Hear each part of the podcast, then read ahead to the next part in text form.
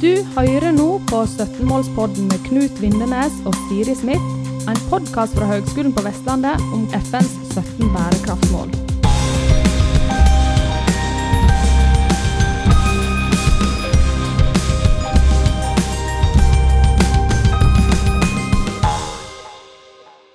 Ja, hei alle sammen. Eh, Det ble i desember i, i fjor, 2023, kjent at Gøri Rørtveit tar over eh, direktørstolen i Folkehelseinstituttet etter Camilla Stoltenberg.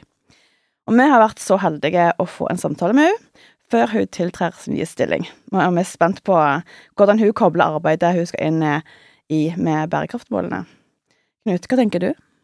Ja, det er jo kjempespennende. Eh, FHI, eller Folkeinstituttet, forbinder vi jo veldig mange av oss med pandemi eh, nå. Eh, og så blir det vel å komme etter Stoltenberg blir vel kanskje som å hoppe etter Wirkola, ikke vet jeg. Ja, nei, jeg, jeg hadde jo Guri som sjef i min tidligere jobb på Universitetet i Bergen. Eh, veldig god sjef. Og hun er instituttleder der eh, ved Institutt for global helse og samfunnsmedisin. Ja, såpass, ja. Spennende. Så ja, du er jo her hos oss i dag, Guri. Velkommen. Takk for det. Um, så det er veldig kjekt at du har anledning uh, å komme her og ha podkast-samtaler med oss, Uh, for du er jo en travel dame, det vet jeg, og gratulerer så mye med ny jobb. Ja, Tusen takk. Tusen takk. Ja, men eh, så da må vi bli litt kjent med deg. Eh, Så fortell oss litt, hvem er du, Guri? Ja, jeg er jo bergenser av opprinnelse, da, som du hører, og jobber jo nå i Bergen. Jeg har vokst opp på Nordnes, men jeg har eh, og begynte å studere i Bergen. Jeg er lege av bakgrunn. Ja. og fortsatte å studere, gjorde ferdig medisinstudiene i Trondheim. Og så har jeg bodd noen år i Nord-Norge, et år i USA, og eh, ja, en god del i Trondheim. Litt i Levanger. Og så kom jeg tilbake til Bergen for ganske mange år siden. Og eh, ja, har hatt med meg familie, mann og to barn som nå er voksne og har flyttet til Oslo. Og eh, ja, det er vel i store trekk meg. Lege, ja. Og eh, etter hvert så kom jeg inn i forskning. Jeg hadde lyst til å begynne å forske, og, dumpet litt tilfeldig inn i eh, universitetsmiljøet i, på slutten av 90-tallet. Og fikk muligheter der til å ta en doktorgrad, og etter hvert fortsette med forskning. Og det har vært en eh, stor glede, som jeg har kombinert med å være fastlege i mange, mange år. Og så fikk jeg da til slutt anledning til å bli instituttleder, som du vet. Eh, og da eh, sluttet jeg som fastlege. Da ble det for stor jobb.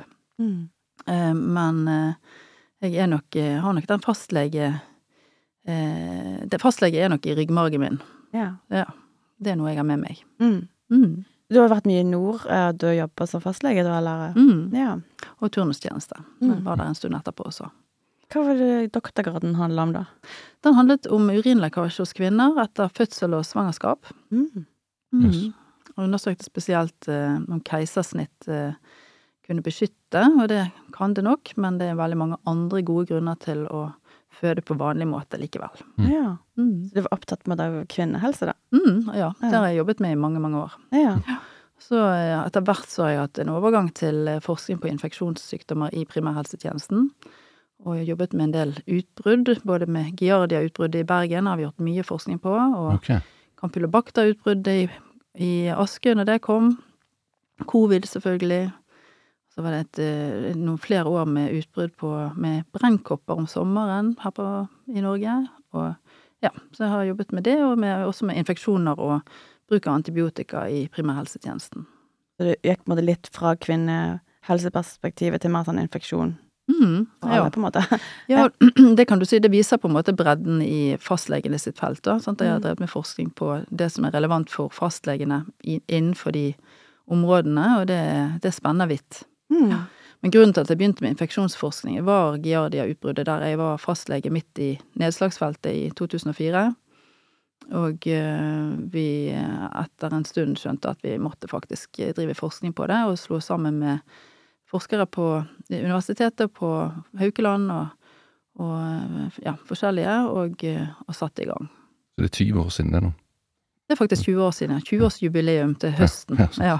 Jeg Mm. husker det der. Det var mange som ble skikkelig dårlige, og så varte det lenge. Mm. Og ja. Vi trodde jo at vi skulle At det var lett å behandle, og, og det var det for de aller, aller fleste. Det hører med til historien. Men det viste seg jo at vi Vi har gjort hele ti års oppfølging, og det viser seg jo at det var en del som fremdeles har plager med både mage-tarm og med utmattelse etterpå. Og det var bakterielt? Det er en parasitt. Parasitt, Mm. ja, nettopp. Og så eh, I Askøy var det vel bakterier, og så var det her covid var virus. Så det, mm. Men begge, altså alle de tre forskjellige kan gi, da gi langtids... Ja, godt spørsmål. Det viser seg ja at det- er alle slags infeksjoner ser ut til å kunne gi det. Vi, men dette med giardia, det var ikke kjent. Nei. Så det at vi fikk en så stor, eh, så stort utbrudd i et vestlig land, for giardia er jo veldig vanlig i, eh, i mange lavinntektsland, Mm. Men det at vi fikk et så stort utbrudd i et vestlig land, der vi hadde ressurser til å forske på det, det gjorde at vi fikk dokumentert veldig godt at det kan gi langtidsfølger. Ja. Var det, hvis jeg husker riktig nå, at det kom eh, Det var noe med drikkevannet som ble forurensa? Mm, Ja. Svartediket, Mm. rett og slett. Ja. Det kom avføring i Jeg vet faktisk ikke akkurat hva som var kilden. Eh, hvordan det skjedde, det er ukjent, men det ble et svært utbrudd. Mm. Men eh, ville du anbefale alle fastleger å ta doktorgrad? Jeg tror det er viktig at eh, doktorgrad er noe som eh, det, det, det å fordype seg på den måten, å skrive tekst, eh, sitte og håper seg gnure på, på data og, og holde på, det er nok ikke for alle, og skal ikke være for alle. Men det er veldig viktig at vi har flere fastleger med doktorgrad enn vi hadde. Nå kommer det seg. Eh, Men det har, vært, eh, det har vært et felt der det har vært mye, mye mindre forskning enn på sykehusspesialitetene. Um, og det er faktisk et satsingsområde. Det har vært det siden eh, jeg var med på å jobbe med utformingen av Helse Omsorg 21-strategien som kom i 2014. Det er ti år siden. Og der var dette med forskning for kommunehelsetjenesten et, veldig, et veldig sentralt område som alle var enige om at må dette må vi styrke.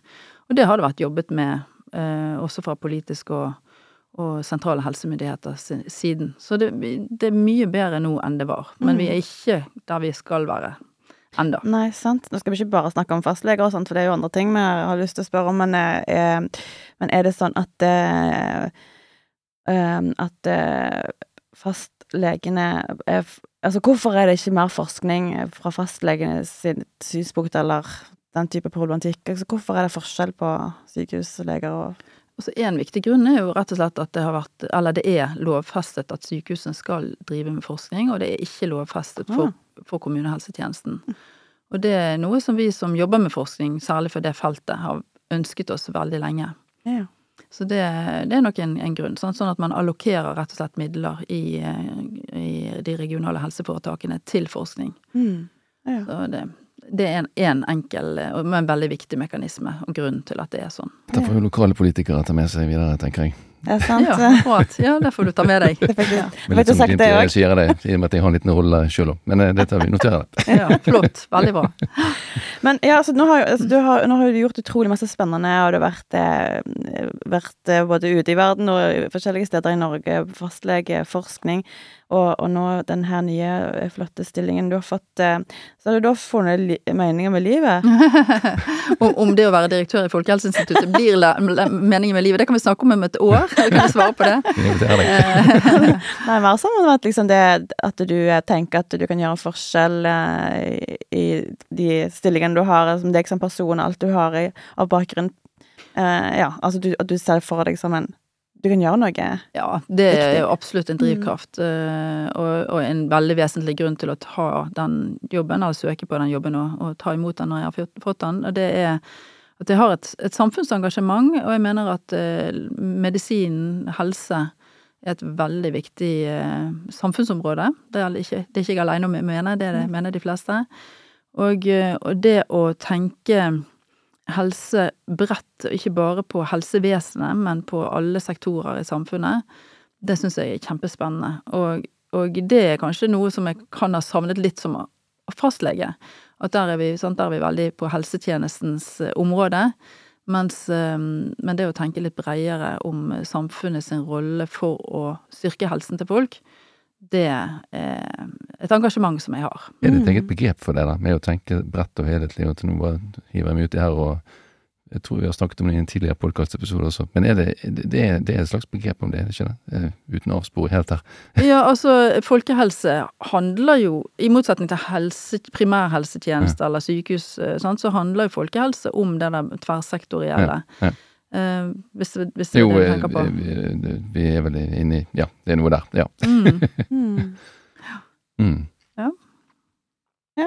Ja, det, eh, du har jo vært litt inne på det med motivasjon eh, allerede. Eh, men jeg er jo litt spent da, når du skal ta tak i en sånn stilling som eh, direktør for, for Folkehelseinstituttet. Det er jo eh, det er jo ikke spøk, og det er litt av et mandat. Um, eh, hvordan, altså, hvordan, eh, hvordan har på en måte ferden altså, Er dette et slags naturlig neste steg for din del, eller Mhm. hvordan, har- hvordan var veien frem til at du nå skal inn i den om, om ikke mange uker? Eh, det var ikke noe naturlig neste steg i den forstand at min plan ikke var å bli direktør for Folkehelseinstituttet. Men jeg ble, jeg ble oppfordret til å søke. Ja. Og når eh, jeg satte meg inn i hva både Folkehelseinstituttet har som oppgaver, hva som er rollene, hva som er eh, mandatet, så så jeg jo at det stemmer jo veldig godt med eh, Eller den direktørrollen stemmer godt med den kompetansen jeg har, faktisk. Mm. Eh, fordi at jeg har jobbet med mye med registerforskning, som altså Folkehelseinstituttet har jo ansvar for alle de sentrale helseregistrene fra, Ja. nå fra nyttår. Ja. Okay. Jeg har jobbet mye med det. Jeg har jobbet mye med infeksjon og smitte, og Mm. smittevern. Eh, Og jeg har jobbet mye med å lede forskere og leger og, og folk som jobber med helseforskning. Det er jo en viktig ballast. Og det er viktig ballast. Så jeg tenker jo at jeg har en bakgrunn som eh, i hvert fall legger godt til rette, da. Ja, så det var litt sånn check-check på ene eh, faglige etter det andre? Ja, men jeg er jo ikke i tvil om at det er veldig mange andre som kunne gjort den jobben veldig, veldig bra Jo, jo, med, med sånn- annen sånn kompetanse. Men, jeg, men jeg tror at min kompetanse stemmer ganske godt med, med den rollen. Ja. Mm. Men var du gjennom det litt sånn, jeg var nysgjerrig, var, var det litt sånn modningsprosess at du først tenkte at nei, dette er noe helt uh, utelukket, og så, og så var det litt tenking over tid, eller var det ganske fort at du så at yes, dette er kanskje for meg? Eh, Det var en modningsprosess. eh, En ganske seriøs modningsprosess, det må jeg si. Fordi at, eh, at jeg har vært veldig glad i å være på universitetet, og glad i, eh, i den rollen som jeg har hatt både Nå er jeg ferdig som instituttleder, det var jeg fornøyd med, men, Ja. men det å være professor ved Universitetet i Bergen er en veldig fri og flott rolle å ha. Ja, Uh, Din reklame, det. ja da, det er det. Mens eh, eh, det å gå inn i denne rollen er jo noe, noe helt annet, eh, og eh, veldig, veldig spennende, men, men annerledes. Sånn at jeg måtte, måtte tenke meg grundig om. Mm, mm. Og når jeg først har tenkt meg grundig om, og bestemt, når jeg hadde bestemt meg for å søke, da ikke jeg en som snur meg tilbake. Da Så det er litt som du er skrudd sammen? Sånn er jeg skrudd sammen. Ja. All in. Ja. Og eh, selvfølgelig helt avgjørende at, eh, at jeg har en mann som også eh, støtter meg helt i denne prosessen, sånn Ja. at vi tar jo steg og flytter til Oslo. Ja. Det er spennende. Mm. Ja, ja. Eh, og så har du vært, nå, nå har du vært inne på at du sjekket av det ene faglige etter det andre, og det, og det må jo være en utrolig fin trygghet å gi mye både selvtillit og respekt eh, både innad i FHI, tenker jeg, når du, når du kommer inn dørene der, og også ut mot samfunnet. Men er det andre deler i din hva skal jeg si, yrkesbagasje som du vil trekke frem at, eh, at betyr en del eh, når du skal bekle stillingen? Jeg tror at det å, å ha vært, eh, i, vært fastlege så mange år og jobbet i kommunehelsetjenesten, kjenne den delen av helsetjenesten godt, eh, der, eh, der har nok jeg også et, navn som er litt kjent, sånn at Ja. der tror jeg at jeg, jeg eh, har eh, kanskje en kompetanse som ikke så mange andre har, da, når de i en, i en sånn eh, posisjon. Og det tror jeg kan komme til nytte. Veldig bra. Men når du, bare for å stikke inn et spørsmål der. Når du, når du sier at du har et navn som er litt kjent, har du, har du engasjert deg da? Eh, Ja, ja. på en måte som Ja. Mm. Ja, altså jeg har jo jeg har vært eh, i ledelsen av eh, det som heter Norsk, nå heter Norsk forening for allmennmedisin, tidligere på, tidlig på 2000-tallet, lenge siden. Men jeg har nå eh, engasjert meg gjennom ja, både Legeforeningen, jeg har vært med i, i redaksjonskomiteen for tidsskrift for Den norske legeforening, jeg har, Mm. har eh, ja, jobbet med Helse Omsorg 21-strategien, eh, satt i Helse Omsorg 21-rådet. Mm. Altså jeg har gjort en del sånne ting som Jeg har vært med å evaluere Samhandlingsreformen. Altså, mm. så, så jeg har jo hatt roller som der jeg har der Det kommunehelsetjenesteperspektivet og den, den kompetansen som jeg har derfra, har vært viktig. Ja. Det er derfor jeg har fått de rollene, for å si det sånn. Ja. Så og jeg tror det også er noe av grunnen til at jeg har fått jobben nå, det er at jeg kjenner den delen av helsetjenesten. Ja, ja. Mm. Så hvis, hvis andre, altså menn eller kvinner, kommer og spør deg om råd i forhold til å ta verv og den slags eh, i tillegg til en travel jobb, så eh, gir du Så jeg kanskje anbefalinger du da om å engasjere seg? Ja, altså om jeg, om jeg anbefaler andre å gjøre det? Ja, at det gir noe, det gir noe til CV-en, eller det, altså, det gir noe til din totalkompetanse, da, eh, høres det ut som. Det gjør det så absolutt. Først og fremst så vil jeg si at det har Og det er noe av det som jeg har erfart gjennom å være i universitetet, da, at det, man får så mange muligheter, man får så mange Mm. forespørsler, man får så mange anledninger til å være med på spennende ting. Ja. Så jeg har, må helt ærlig si, jeg har aldri tenkt på å bygge CV. Det, det er ikke Det har ikke vært en del av prosjektet, for å si det sånn, men, men det å få anledning til å være med på spennende ting, det har vært, eh, det har vært en drivkraft. Mm. Og så har det vært sånn at eh, det blir ofte altfor travelt. Um, men det er ofte sånn at de tingene som kommer på toppen, det er jo de aller mest spennende. Så det, mens det som er eh, rutinejobben, på en måte, det, det må du gjøre uansett. Og, og eh, så hvis du Ja, så man, man må liksom tåle å ha det travelt, da, for å få gjort ganske mye av de spennende tingene, ja, har jeg tenkt. Jeg har lyst, til å spørre jeg det her og gruble litt på at um, hva legger man egentlig i begrepet folkehelse? Mm, et godt spørsmål, og jeg vet ikke om jeg kan svare, eller om jeg er rett til å svare, i hvert fall ikke nå. Men, men i mitt eh, hode så handler det om uh, befolkningens helse, at det, det er et samfunnsperspektiv i det. Uh, og at det handler egentlig om, om alle, et bredt spekter, ikke bare av sykdommer, men også eh, hva skal jeg si, uhelse av, av, eh, av andre slag. Og så må vi ikke gå helt i den fellen at vi tenker at, at man skal være full, ha det fullstendig godt hele tiden og aldri ha et eneste symptom. Mm. Altså at da er det uhelse, eller da er det dårlig, at det er ikke bra. For det, Mm. alle mennesker har eh, vondt av og til, eller er forkjølet av og til, eller Mm. Og det er også en del av eh, det, det, det totale livet. Det er, sånn vi, det er sånn skal livet være. Mm. Spennende refleksjon. Er, er, det en, er det en refleksjon du har gjort det nå i det siste, eller har du på en måte hatt den med deg Det en stund?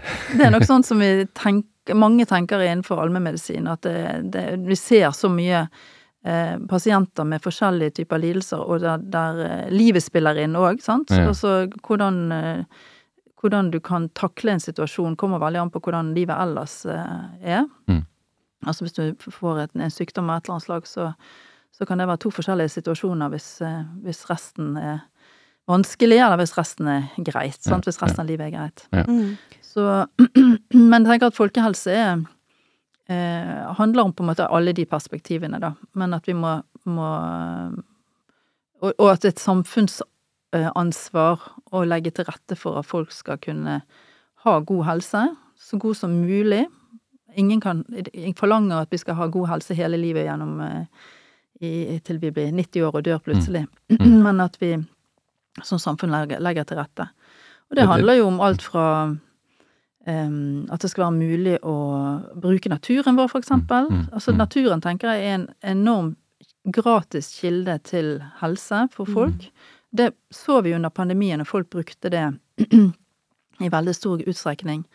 Ungdommene tror jeg var mange ungdommer som lærte seg nye friluftslivsvaner i den Mm. perioden. Og det var en fantastisk eh, læring. Mm. Mm. Jeg må bare stille et oppfølgingsspørsmål. Mm. Eh, Trengs det en, eh, en, en, en ekstra forventningsavklaring overfor befolkningen i forhold til det du Jeg syns bare det er veldig spennende det du sier nå om at vi, ikke, vi, må, vi, må, vi må ikke forvente eller kreve det perfekte liv, da, for å bruke et sånt ord. Eh, eh, Må man Altså, har, har for den saks skyld FHI et, eh, en viktig rolle, tror du, eller tenker du, med å på en måte skape den forventningsavklaringen om at vi må, vi må akseptere noe rusk Ja. helsemessig? Ja, det, det er et veldig interessant spørsmål, veldig viktig spørsmål i våre dager, sant? der vi ser eh, eh, for eksempel dette med psykisk uhelse blant Mm. barn og unge. Sant? At eh, eh, hva skyldes det, og hva er, hva er helsetjenesten sin oppgave i det? Hva er skolene sin oppgave? Hva er foreldrene sin oppgave? Hva er samfunnet sin oppgave? Hvordan, nettopp Mm. dette, hvordan eh, presenteres forventninger til ungene våre eh, om å skoleprestasjoner, eller hva det nå måtte være, eller hva de skal bli når de blir stor. Mm. Eh, hva spiller en rolle? Sosiale medier, alt dette her, Mm. spiller sammen. Og vi vet jo litt lite om hvordan disse tingene eh, preger ungdomsgenerasjonen nå.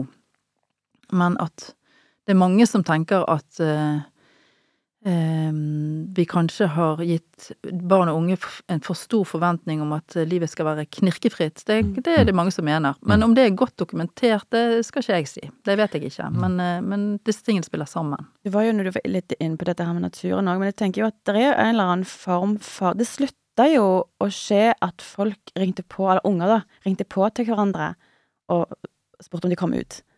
Jeg ser på mine egne. Mm. Det er helt fremmed, liksom, å springe på.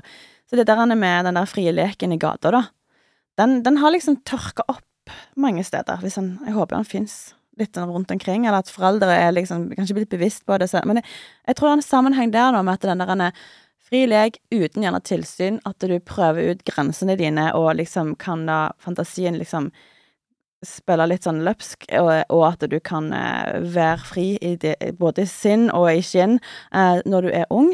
Uh, at hvis du alt er organisert av det du gjør, eller at du ser på TV og blir stimulert av andre sine tanker eller fantasier, eller at du, foreldrene alltid er med og passer på, sant. Jeg tror alle de tingene der gjør at man ikke Altså man blir litt usikker, eller man ikke helt klarer å flytte sine egne grenser, eller vet hvor grensene sine går. Jeg tror, jeg tror kanskje det har litt å si så Nå kommer jeg jo langt inn på sånn refleksjonsnivå her, men det er begynner kanskje litt tidlig med at alt er så styrt og organisert og ordentlig, liksom. At Mm, den der at mm. vi ikke har kontroll på Altså, foreldrene dine visste jo ikke hvor jeg var hen når jeg var ute. Det var jo litt sånn litt av det der denne spenningen og ting vi fant på, sant. Men det Jeg tror det har noe å si. Nå er jeg bare, jeg bare plukket opp en tråd, ja. Ja, altså jeg tenker at Folkehelseinstituttet sin rolle i det der er å være de som finner frem til enten andre sin kunnskap, altså oppsummeringer, eller forske sjøl på den type spørsmål. Er det sant? Det er mange som tenker litt sånn som du gjør nå, Siri, og er det, er det riktig, eller er det andre mekanismer som er i kraft? Det å finne kunnskapsgrunnlaget, at vi, at vi det Alle har lov til å synse og tenke og ha sine egne refleksjoner, men at kunnskapsgrunnlaget er Mm. best mulig, sånn at politikerne kan ha et utgangspunkt for å gjøre tiltak som er hensiktsmessige for å ivareta ja, eksempel barn og unge sin eh, psykiske helse. Det er viktig. Det tenker jeg er Folkehelseinstituttet sin rolle.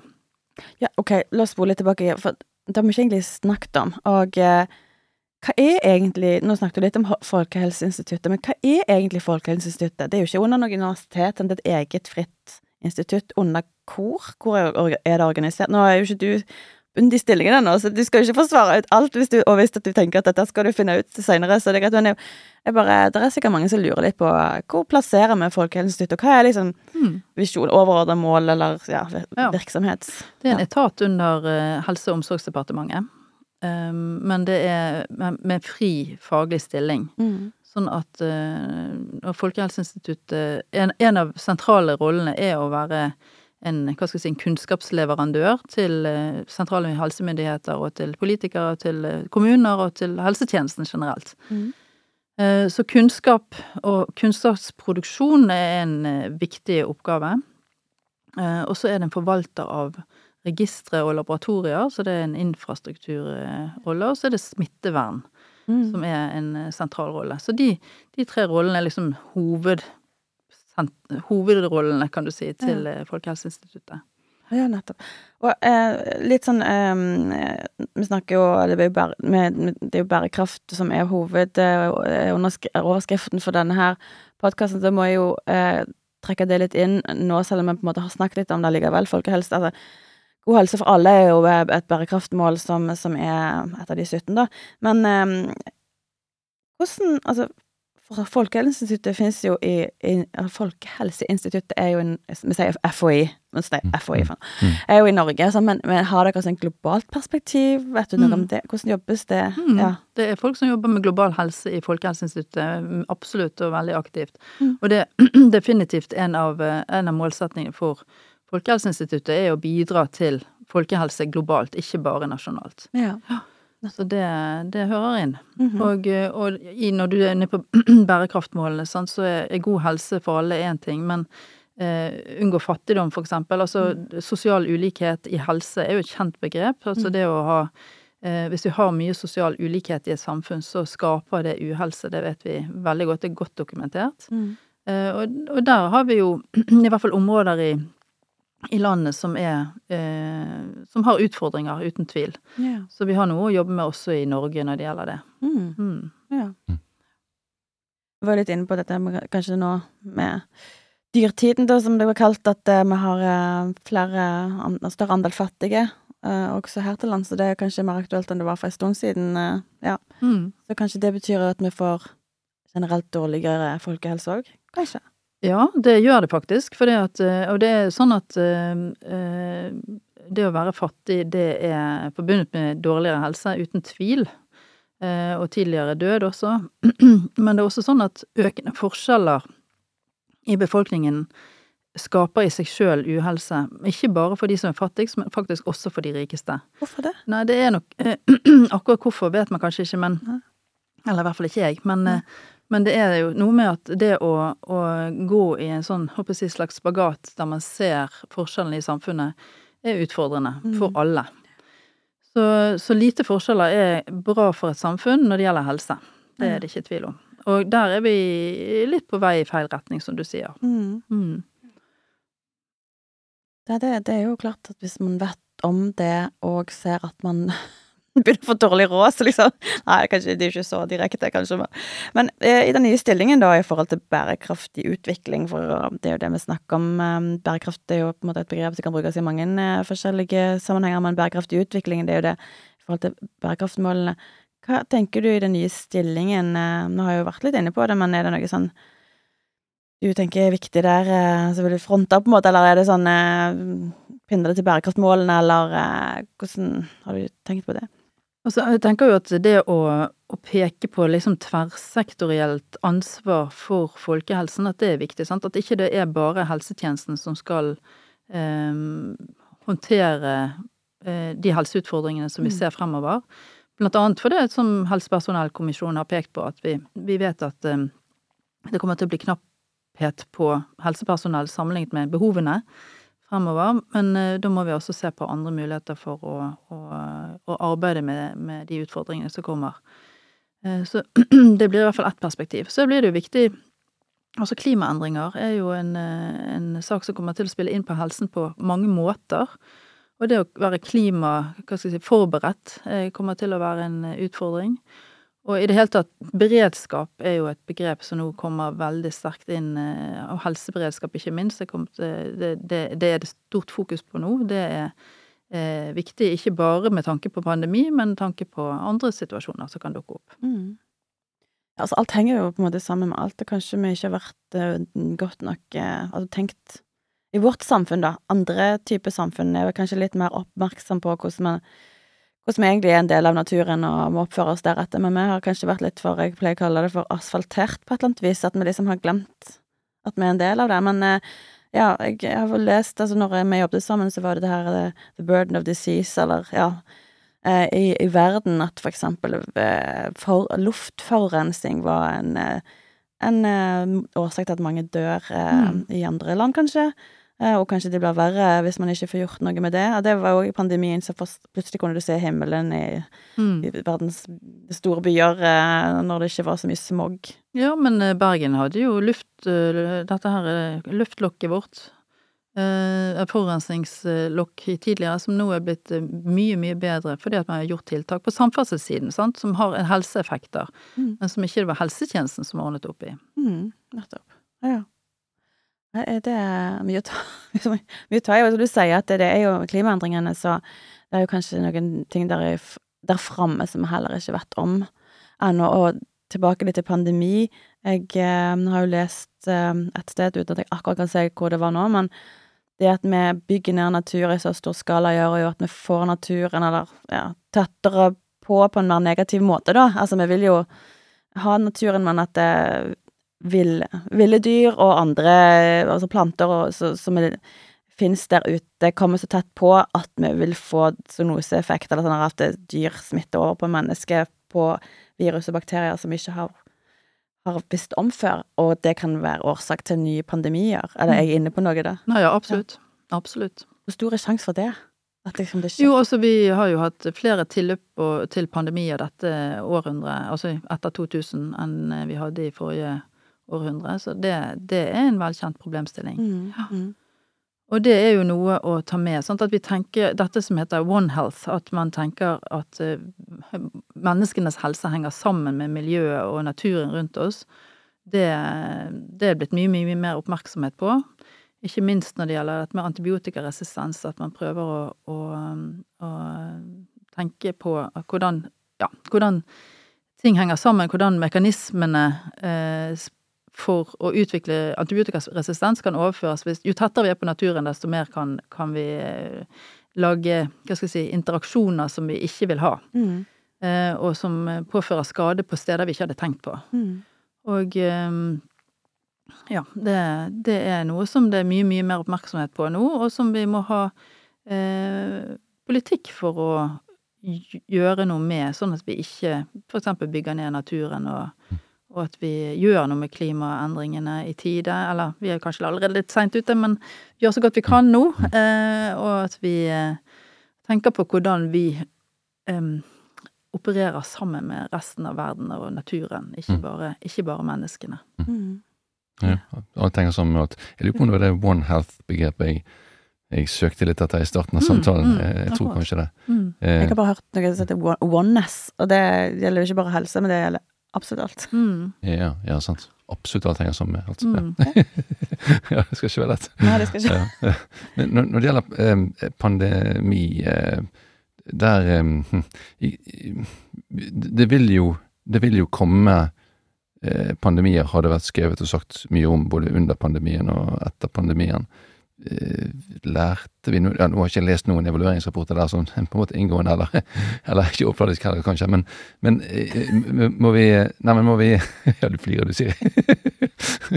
må vi eh, Altså i hva grad vil eh, Altså, en, en ting er hvordan man håndterer det politisk, men, men, men på en måte vil eh, Vil man som eh, samfunn ut ifra Altså, tror du FHI, det er ikke sikkert du kan og vil svare på dette engang, men, men vil Folkehelseinstituttet eventuelt ha andre tilnærminger til hvordan vi bør håndtere eh, fremtidige pandemier som kommer? Og så har vi lært, har vi lært ting som, som gjør at vi eh, nærmest endrer vesentlig vår tilnærming til det.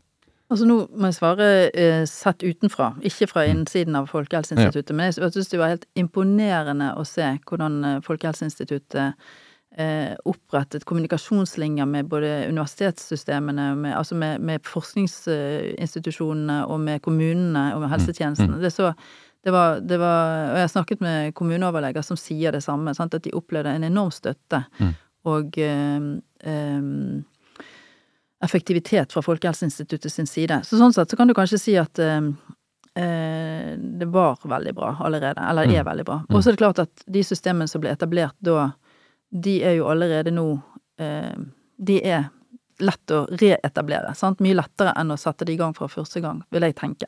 Ja. Eh, sånn, sånn ser det ut for, for min del. Ja. Ehm, men ja, var det svar på spørsmålet, kanskje? Ja, altså det, det, det sier jo meg at eh, det var ikke sånn at vi etablerte ting da som eh, Når, det kommer et nytt eh, eh, tog, da, for å si det sånn, altså en ny, ny pandemi, så må, vi, så må vi egentlig tenke helt annerledes. Altså Da kan det, da kan det være snakk om å bruke mye av de samme verktøyene og strategiene. Ja, altså en ting som ble etablert eh, i løpet av pandemien, det var et register som kunne bruke de registerdataene som kom inn med det samme, istedenfor å vente lenge på å få dataene ut. Ja. Det var enormt viktig i, Mm. i flere av, eh, av eh, de store spørsmålene som var av enorm samfunnsmessig viktighet under pandemien, å få svar på det gjennom å bruke de registrene. Ja. Det er jo en sånn, et eksempel. Så var det jo en del eh, forskning som man skulle ønske kunne kommet i gang, som vi ikke fikk gjort. Som, og da snakker jeg ikke som Folkehelseinstituttet, men som samfunnet trengte. Sant? Mm, Altså for eksempel, virker skolenedstenginger? Mm. Eh, hvor godt virker de? har det noe å si hvordan det gjøres, og så videre og så videre. Eh, det fikk vi jo ikke anledning til å forske på, eller Folkehelseinstituttet ønsket å forske på det, men fikk ikke anledning til det, for det måtte ha samtykke fra foreldre, hvis ikke jeg husker feil. Ja, ja. Så da endte det jo med at man stengte ned uten at vi fikk forsket på hvordan effektene ble. Altså den Mm. type eh, utfordringer håper jo jeg at vi har eh, kommer i forkant av når det kommer en ny pandemi. ja, For det er ikke spørsmål om vesentlig. hvis det kommer en ny pandemi. Det kommer en ny pandemi, men Ja, tid får vi håpe at det blir lenge til. Det er jo et viktig faktum som du sånn sett, altså det har vært skrevet mye om, og, og du egentlig så fra ditt ståsted nå bekrefter at det, det kan vi egentlig bare anse som at det, det, Mm. det vil skje. sant? Det er et Mm. spørsmål om tid, og sikkert Mm. litt hvordan det vil skje. Liten og sånn. eh, stopp her, for eh, Kan du bare forklare litt hva register er? Tenker kanskje Mm, noen lurer litt godt på hva, hva det betyr. Hva er et register? er? Ja. ja, godt spørsmål. Altså, vi har mange registre i Norge, er mange etablert for mange, mange år siden, som gjør at vi har fantastisk tilgang til data om helsen til folk, gjennom, til, til det norske folk, gjennom mange, mange år. Som også de andre nordiske landene har, men som for eksempel USA i veldig, veldig liten grad har, fordi at de har eh, ikke sånn oversikt over befolkningen sin, for eksempel ikke personnummer. Mm. Eh, og, og mye mindre, ja, eh, er- oversikt. Registrert hva folk har vært hos legen for, eller hva diagnose de Jeg har kan fått. si litt altså de, Noen av de registrene vi har, det er for eksempel fødselsregisteret, som jeg har brukt mye i min forskning, som, eh, som sier om du har et keisersnitt eller vanlig fødsel, eller om, eh, om du fikk den, den type bedøvelse, hvor stort barnet var, eh, om hva slags eh, svangerskapsuke du er født i, osv. Den type informasjon. Mm. Det kommer fra sykehusene. Eh, Så har vi Norsk pasientregister, der man registrerer ja, diagnoser og, og varighet av opphold osv. osv.